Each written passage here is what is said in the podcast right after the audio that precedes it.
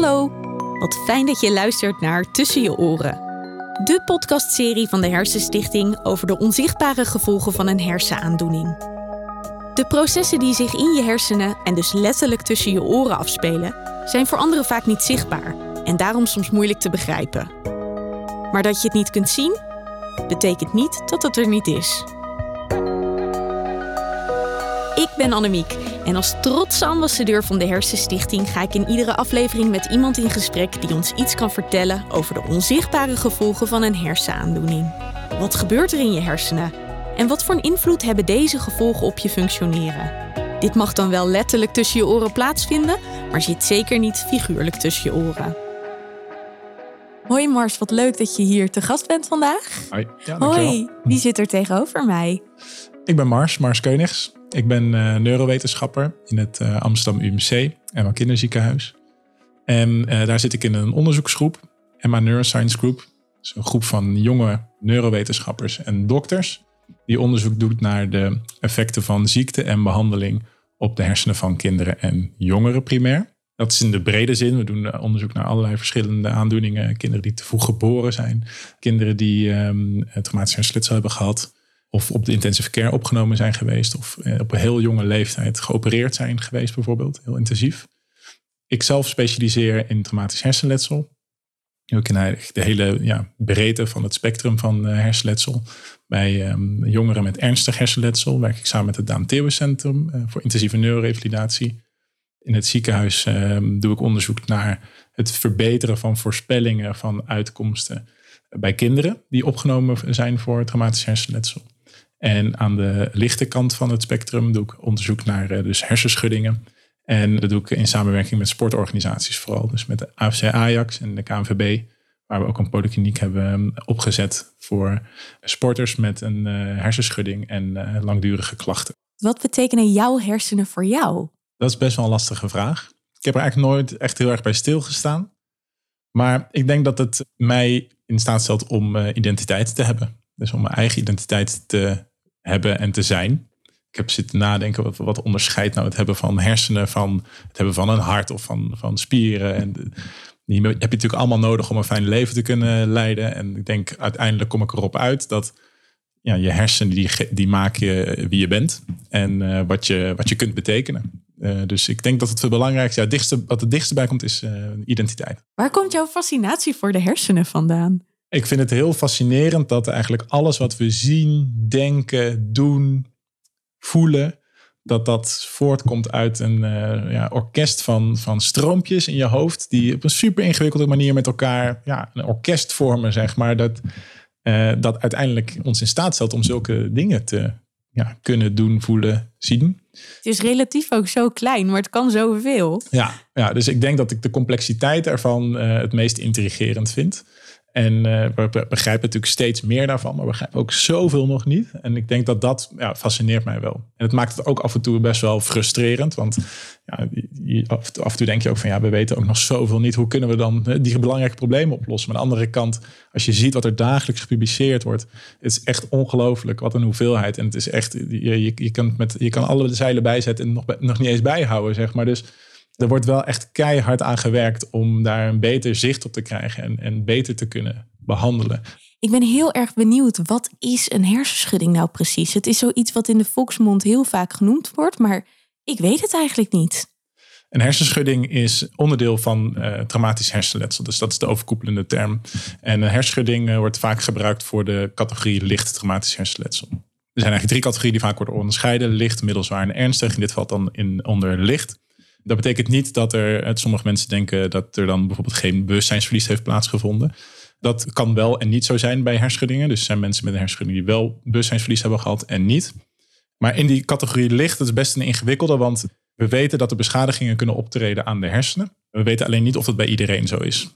Vaak is het geval dat uh, mensen niet met een hersenschudding niet eens naar het ziekenhuis toe gaan.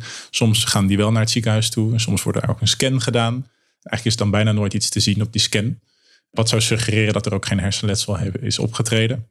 Dat is niet altijd uh, het geval. Uh, we weten van wetenschappelijk onderzoek waarin veel meer geavanceerde hersenscans afgenomen kunnen worden. die nu nog alleen geschikt zijn om in een onderzoeksverband af te nemen en op groepsniveau te analyseren. Daarvan weten we dat uh, hersenschuddingen wel degelijk een effect kunnen hebben op de integriteit van de hersenen. Met name op kunnen die microscopische beschadigingen van de verbindingen tussen hersencellen veroorzaken. Dus dat is iets, we weten dat die biologische component onderdeel kan zijn van een hersenschudding. We weten alleen niet of dat voor iedereen geldt. Daarnaast is het zo dat er in het traject van het herstel van een hersenschudding allerlei andere factoren ook gaan meespelen. En dat bij mensen met aanhoudende klachten niet altijd duidelijk is wat de verhouding is tussen die biologische oorzaken of andere oorzaken die mogelijk uh, instandhoudend kunnen zijn voor die blijvende klachten. Ja, want als je het niet letterlijk kan zien, dat is natuurlijk waar deze hele podcast over gaat, wat maakt dan dat je toch kan aantonen dat iemand een hersenschudding heeft? Uh, in feite kan je dat niet aantonen. Dus uh, de diagnose van uh, een traumatisch hersenletsel wordt gesteld op basis van acute effecten op bijvoorbeeld bewustzijn. En ja, als er sprake is geweest van functionele veranderingen of andere neurologische verschijnselen, dan wordt eigenlijk de diagnose traumatisch schedelhersenletsel gesteld. En dat is dus een diagnose die je niet met een ehm, ja, positief bewijs zeg maar, kunt stellen. Dus je kunt niet zeggen, oké, we hebben dit gemeten, dus je hebt deze aandoening. Het is eigenlijk meer een beschrijving van wat er is gebeurd. En je weet dus niet wat daaraan uh, onderliggend nog actief is. Dat kan bijdragen aan bijvoorbeeld gevolgen die er nog zijn. Want hoe weet je wat voor behandeling dan ingezet kan worden? Nou, dat weten we dus ook niet zo goed. Dus dat is ook een reden om daar, daar onderzoek naar te doen. En ik denk dat dit de kern is van een probleem dat er in dit veld momenteel is. Dat is namelijk dat we weten dat er biologische componenten zijn aan een hersenschudding. We weten dat er andere componenten zijn eh, die gevolgen in stand kunnen houden. En dat is voornamelijk als het herstel langdurig is. En die interacteren waarschijnlijk ook nog met elkaar. En we weten eigenlijk op individueel niveau, dus voor specifieke personen, niet wat zeg maar de belang, het belangrijkste probleem is. Tegelijkertijd proberen we dat wel, die hele groep, als één te zien en als één te behandelen. Dat is wetenschap, ja. Ja, tenminste, dat is eigenlijk een beetje verouderde benadering van wetenschap, die momenteel een behoorlijke mhm. vlucht krijgt. Dus het is heel erg eh, veel meer gericht op personaliseren van diagnostiek, van prognoses en van behandelingen. Dus dat, neemt, dat is wel echt aan het veranderen. Maar tot op, tot op dit punt hebben we eigenlijk altijd gekozen voor: kunnen we een behandeling voor een bepaalde aandoening ontwikkelen die voor iedereen effectief is?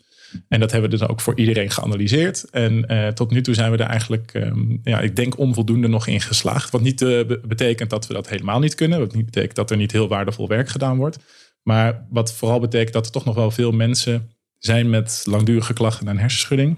Waar we ja, aan het eind van de rit misschien toch nog wel met lege handen staan.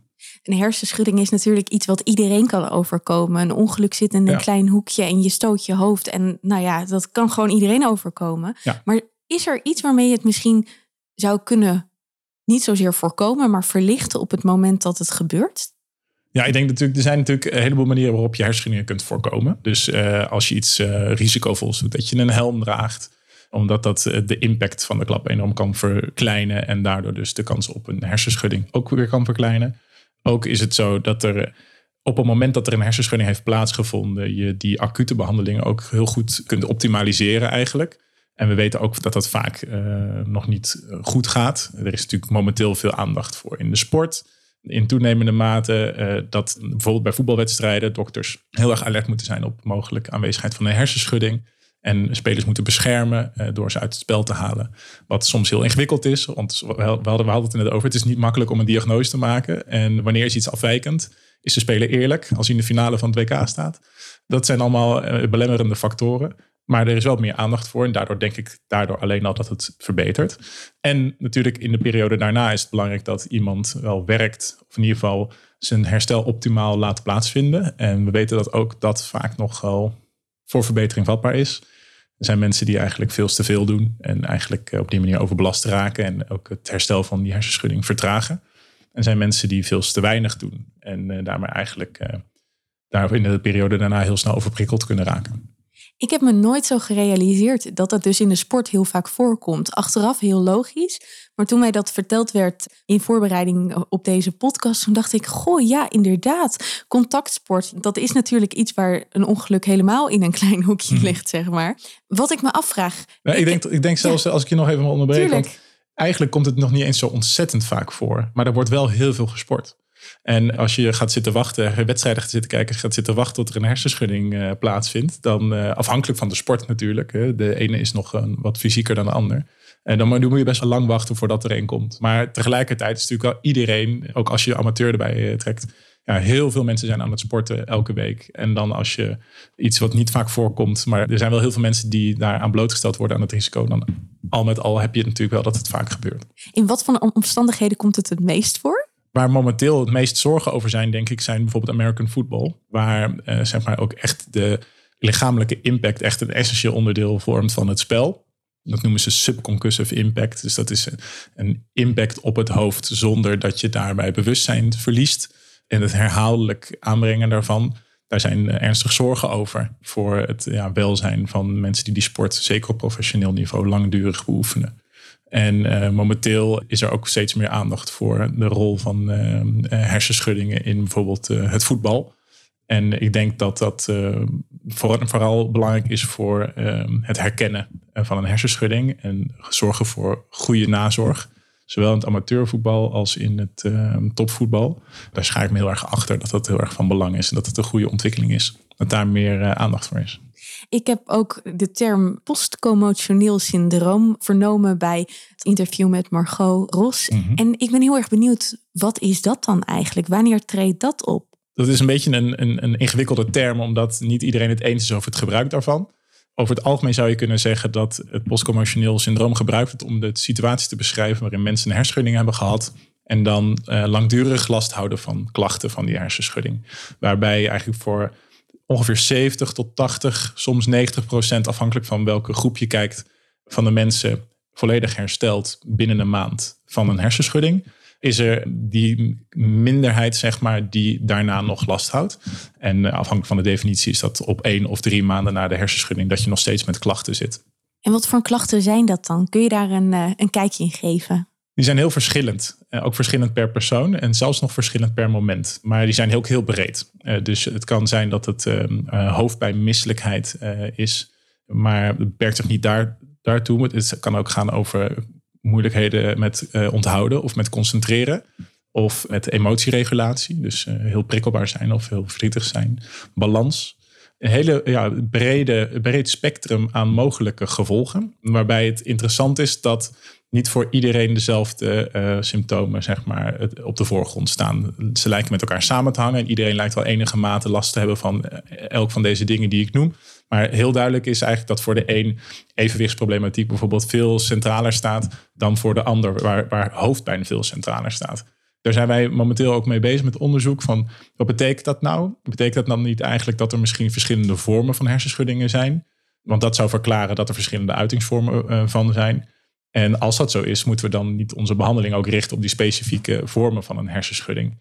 Dus dat is iets waar we momenteel bij de KVB, uh, Polykliniek voor Sportgerelateerde Hersenschuddingen, naar kijken. Bij de groep mensen die daar behandeld wordt. Van, kunnen we inderdaad die klassificatie doen? Kunnen mensen indelen in groepen die uh, ja, vergelijkbare symptomen hebben? Maar je vroeg natuurlijk over eh, PCS, hè? dus die, dat postcommotioneel syndroom.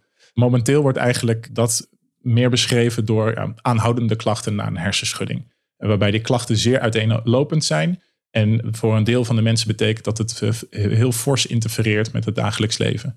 Waardoor uitval is op dagelijks uh, op, op werk. Maar ook het gezinsleven bijvoorbeeld niet maximaal meer uh, geparticipeerd kan worden.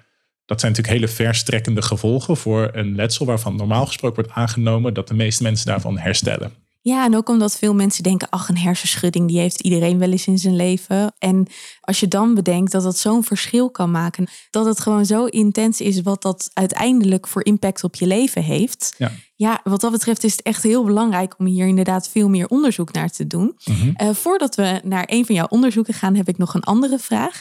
Stel dat jij dus PCS gediagnosticeerd krijgt, kan dat dan ooit nog genezen? Of is het op een gegeven moment ook een kwestie van toch moeten accepteren dat er iets veranderd is? Ja, ik vrees dat ik daar niet een antwoord op kan geven dat voor iedereen waar zal zijn, zeg maar. Of, te dus, algemeen, hè? Het is te algemeen, want eh, zoals ik net al aangaf, dit is een heel diverse eh, aandoening, zeg maar. En met grote verschillen tussen mensen. Als je het hebt over mensen die aanhoudende klachten hebben na drie maanden na het letsel, dan denk ik dat er een hele goede kans is dat zij volledig kunnen herstellen nog steeds. En, en ook voor mensen die um, een jaar na het letsel zitten eh, en, en, en daar actief mee bezig zijn. momenteel lijkt het erop dat er ook een groep is die ja, langer dan dat met die klachten zal moeten leven. En sommigen misschien zelfs zo voor de rest van hun leven. Maar uh, nogmaals, de vraag is dan: is dat inderdaad volledig uh, het gevolg van die, van die hersenschudding? Dat weten we eigenlijk niet. Ik, ik ontken dat niet, maar ik kan het ook niet ja, onderbouwen, zeg maar. En ik denk dus dat er mensen zijn die misschien uh, met een deel van die gevolgen beter kunnen leren omgaan. Om uh, te zorgen dat ze het, ja, kunnen, hun leven kunnen aanpassen op, op uh, die situatie. Dat dus zou eigenlijk, kunnen. Ja. ja. dat het revalidatietraject wat dat betreft niet meer gaat over volledig herstellen. Maar ook mee leren omgaan wat de nieuwe situatie eigenlijk is. Ja, maar dat Hoe is, pijnlijk dat ook is. Ja, maar dat is eigenlijk altijd ook wel een onderdeel van uh, revalideren. Maar dat wordt dan ook vaker ingezet naar ernstig hersenletsel. Dus als je het hebt over revalidatietraject, dat is überhaupt denk ik een bijzonderheid na een hersenschudding. De meeste mensen blijven een aantal weken thuis en herstellen dan vanzelf. En mensen die langdurig last houden, daarvan is zelfs ook nog maar een deel dat uiteindelijk ook echt gaat revalideren. En inderdaad, op het moment dat een revalidatietraject is doorlopen en er zijn nog resterende klachten, dan verschuift zeg maar langzaam de aandacht van herstellen naar omgaan met klachten. En ik denk zelfs dat je zou kunnen stellen dat tot nu toe in Nederland überhaupt voor hersenschuddingen de zorg heel erg gericht is op het omgaan met de klachten. Zowel emotioneel als in praktische zin in het dagelijks leven. En dat dat momenteel de situatie is. Wij gaan natuurlijk naar een moment toe waarop er misschien wel een soort van genezing mogelijk is. En dat doe ik op het CFX-onderzoek, wat je nu gaat doen, ook met steun van de Hersenstichting. Kun je me daar iets meer over vertellen? Wat is CFX? CFX staat voor Cognitive FX. En dat is een zorgcentrum in uh, Utah, in de VS. En zij hebben een behandeling ontwikkeld voor mensen met een uh, hersenschudding. Inmiddels wordt dat breder aangeboden dan uh, ook voor andere soorten van, van hersenletsel. En er zijn veel mensen in Nederland die uh, op het moment dat zij al behandeling in Nederland hebben gehad en nog met aanhoudende klachten van een hersenschudding blijven zitten eigenlijk, daar interesse in krijgen. En er is ook een flinke groep, uh, honderden mensen per jaar, die momenteel naar Utah afreist om daar behandeld te worden. En dat is heel prijzig, hè?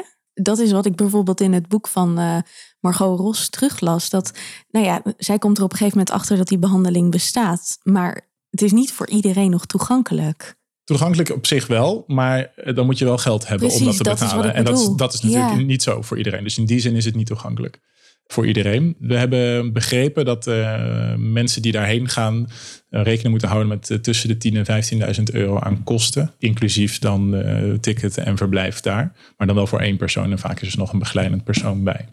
Dus inderdaad, ja, dat heeft natuurlijk niet iedereen in zijn portemonnee zitten. Dus dat betekent dat het niet voor iedereen toegankelijk is.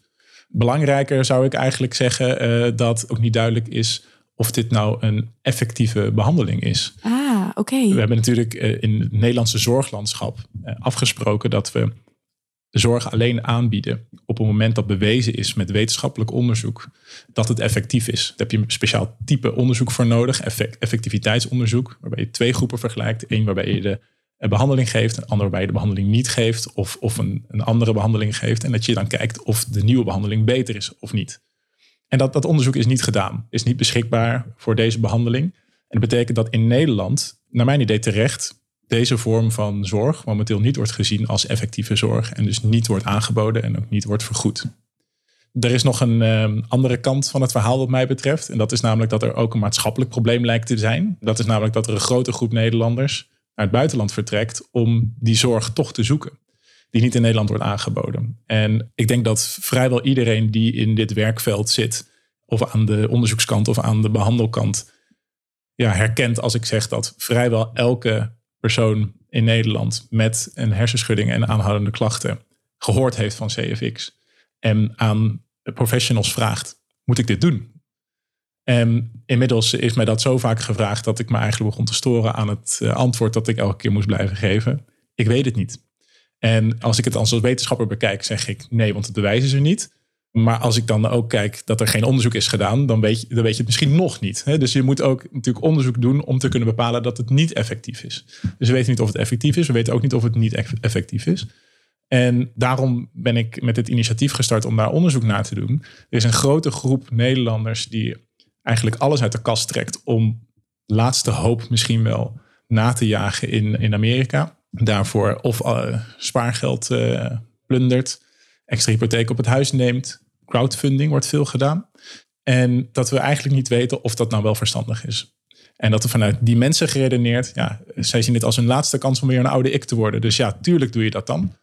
Ik kijk dan vanaf een emotionele afstand, zeg maar. Dan denk ik van ja, eigenlijk zouden we beter moeten weten wat die behandeling inhoudt.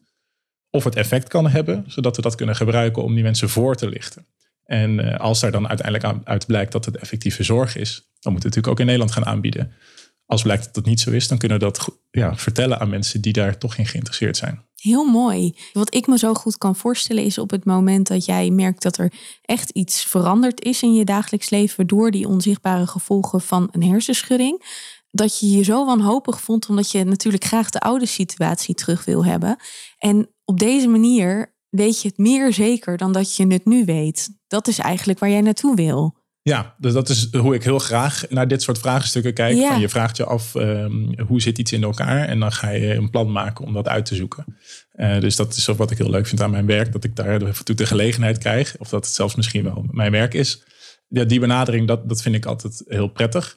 En uh, ja, in dit geval eh, moet ik zeggen dat het wel uit een andere overtuiging komt dan normaal voor mij is. Dus normaal heb ik, is er een wetenschappelijke basis voor een idee. En zeg je van oké, er is een hypothese dat we denken dit zit zo in elkaar, dit werkt op deze manier. Met deze behandeling kunnen we dat zo veranderen en dan denken we dat het het probleem oplost. Er zit er een hele duidelijke theoretische ondergrond. Dat is momenteel voor CFX niet zo. Dus die wetenschappelijke onderbouwing ontbreekt eigenlijk grotendeels. Het is eigenlijk niet voor ons als buitenstaanders volledig logisch waarom zij doen wat zij doen. En dat dat dan effectief zou zijn. Tegelijkertijd, mensen die daar vandaan komen, zijn heel erg enthousiast. Het is niet voor niets dat er honderden mensen per jaar uh, daar naartoe gaan. Dus er is mondelinge overlevering over positieve effecten. Aan de andere kant weten we ook dat die positieve effecten niet per se hoeven te komen doordat er echt iets verandert. Uh, dat er echt een genezend proces optreedt. Er zijn een heleboel redenen waarom mensen positief kunnen zijn over zorg die geleverd wordt. Dat is geen slecht ding, maar op het moment dat je dat wil aanbieden als effectieve zorg, dan moet daar uh, bovenop verwachtingseffect of positieve ervaringen ook nog echt een ja, modificerend effect, een, een genezend effect van die behandeling zijn. En dat is wat we nu gaan uitzoeken. Die wetenschappelijke ondergrond ontbreekt dus, maar het maatschappelijke probleem is evident. Ja, toen dacht ik eigenlijk, laten we dat gaan uitzoeken. Het is heel mooi. Het, jouw vraagstuk komt vanuit letterlijk de ervaringsdeskundigheid. Het zien dat heel veel mensen dit doen en dat heel veel mensen daar hoop in vinden. En wat jij gaat doen is eigenlijk kijken, is die hoop gegrond? En daarnaast als dat zo is, dan kun je het ook toegankelijk maken voor iedereen. Dat is een hele mooie insteek. Ja. Zo, zo klopt het toch, als ik het zo zeker, zeg? Ja, ja, ja, zeker. En die laatste variant is wel een weg te gaan hoor. Want dit eerste onderzoek, daar kan dat niet uit blijken. Wij gaan niet dat gerandomiseerde, gecontroleerde effectiviteitsonderzoek doen. Hele mond vol. Maar dat is dus het onderzoek wat je nodig hebt om effectiviteit aan te kunnen tonen. We doen eigenlijk een stapje daarvoor. We gaan kijken, wat gebeurt er nou eigenlijk? Want dat is eigenlijk nog niet helemaal duidelijk precies. Welke effectieve behandelelementen zouden daarin kunnen zitten. Dat gaan we met een landelijke groep uh, van uh, experts, ervaringsdeskundigen uh, doen. Vervolgens gaan we ook kijken wat vinden patiënten nou eigenlijk belangrijk in die behandeling die ze daar gekregen hebben. Dat gaat de onderzoeksgroep toegepast onderzoek doen van UMC Groningen. En wat wij gaan doen aan het Amsterdam UMC is eigenlijk meten vooraf meten, achteraf meten en na zes maanden meten hoe het gaat met uh, functies uh, van de mensen die daar behandeld zijn. Cognitieve functies, bijvoorbeeld denkfuncties zoals concentratie en aandacht, balans, oogbewegingsonderzoek. En we kijken, oh gaan mensen vooruit in die periode? En als mensen vooruit gaan, dan kan het komen door een genezend effect, door een effect van die behandeling. Het kan ook nog steeds komen door ja, die niet-specifieke behandeleffecten, positieve ervaringen of verwachtingseffecten. Daar kunnen we dan ook nog wel wat onderzoek naar doen. Mocht dat uh, blijken dat die positieve effecten er zijn, dan is dat genoeg uh, reden, denk ik, om er beter naar te kijken nog en dat effectiviteitsonderzoek te doen. Op naar een toekomst waarin een hersenschudding genezen kan worden. En ook vooral de, ja, de uitlopers ervan, om het zo maar te zeggen. Ja, ja. Ik uh, ben benieuwd. Er zullen vast mensen zeggen die nu gehoord hebben van goh, een hersenschudding is niet op een hersenscan te zien, ja, dan zit het tussen je oren. Mm -hmm. Wat zou je tegen die mensen willen zeggen? Het zit sowieso tussen je oren. dus dat, daar ben ik het volledig mee eens. Er wordt natuurlijk vaak in de volksmond mee bedoeld dat je het je inbeeldt. Dat zou ik ten dele willen bestrijden. Wat we weten is, er zijn biologische componenten actief, Wat we ook weten is op het moment dat je langdurig aanhoudende klachten hebt, dat er ook andere dingen gaan meespelen. En dat is natuurlijk volledig logisch. Als je um, volledig uitgeschakeld bent uit je normale leven, je kunt niet meer de vader of moeder zijn die je wil, je kunt niet meer de werknemer zijn die je wil. En dat, dat, dat je daar verdrietig van kan worden, gefrustreerd van kan raken. En dat die gevoelens ook ja, je dwars kunnen gaan zitten. En daarvan weten we dan weer dat de klachten van een hersenschudding weer kunnen verergeren. Dus dat wordt op een gegeven moment heel erg ingewikkeld complex van dingen die je eigenlijk niet goed meer uit elkaar kunt halen. Uh, dus daarom uh, ben ik het helemaal mee eens. Het zit tussen je oren. We weten alleen niet hoeveel daarvan wordt bepaald door die biologische componenten en hoeveel daarvan wordt bepaald door eigenlijk emotionele verwerkingsaspecten daarvan. Nou, dat is wat we beter in de kaart willen krijgen. Ik denk ook dat we moeten proberen die twee componenten te gaan behandelen. Die emotionele componenten is al best wel veel aandacht voor in Nederland. En ik denk die biologische component nog niet. Maar dat vinden we in het hele neurowetenschappelijk werkveld nog heel moeilijk om te doen. Uh, dus er zijn wel spannende ontwikkelingen met stamceltherapie en elektrostimulatie van zenuwbanen in het ruggenmerg. En uh, Elon Musk uh, is bezig met um, en projecten voor hersenimplantaten, wat natuurlijk super spannend is en ook nog wel heel erg science fiction aandoet voor mij. Maar ja, hij heeft wel behoorlijk wat science fiction dingen voor elkaar gekregen. Dus ik vind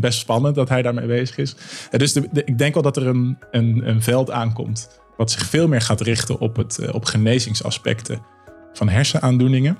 Maar dat ik niet weet hoe dichtbij dat is. En, en de meeste dingen zijn nog niet dichtbij. Kortom, het hele onderzoeksveld is volop in ontwikkeling. Ja. En wie weet wat de toekomst brengt. Ja, spannend hè? Ja, heel ja. erg. Dankjewel Mars. Ja, graag gedaan. Jou bedankt. Bedankt voor het luisteren naar deze aflevering van Tussen je oren. De Hersenstichting investeert in hersenonderzoek, geeft voorlichting en zet zich in voor betere patiëntenzorg, revalidatie en participatie. Jij kunt ons hierbij helpen door te doneren, maar ook door deze podcast te delen. Vond je de aflevering interessant of herkenbaar? Laat het ons weten via social media met de hashtag Hersenstichting. Geen aflevering missen? Abonneer je dan in je favoriete podcast-app. Wil je meer weten over de onzichtbare gevolgen van een hersenaandoening? Ga dan naar hersenstichting.nl/gevolgen.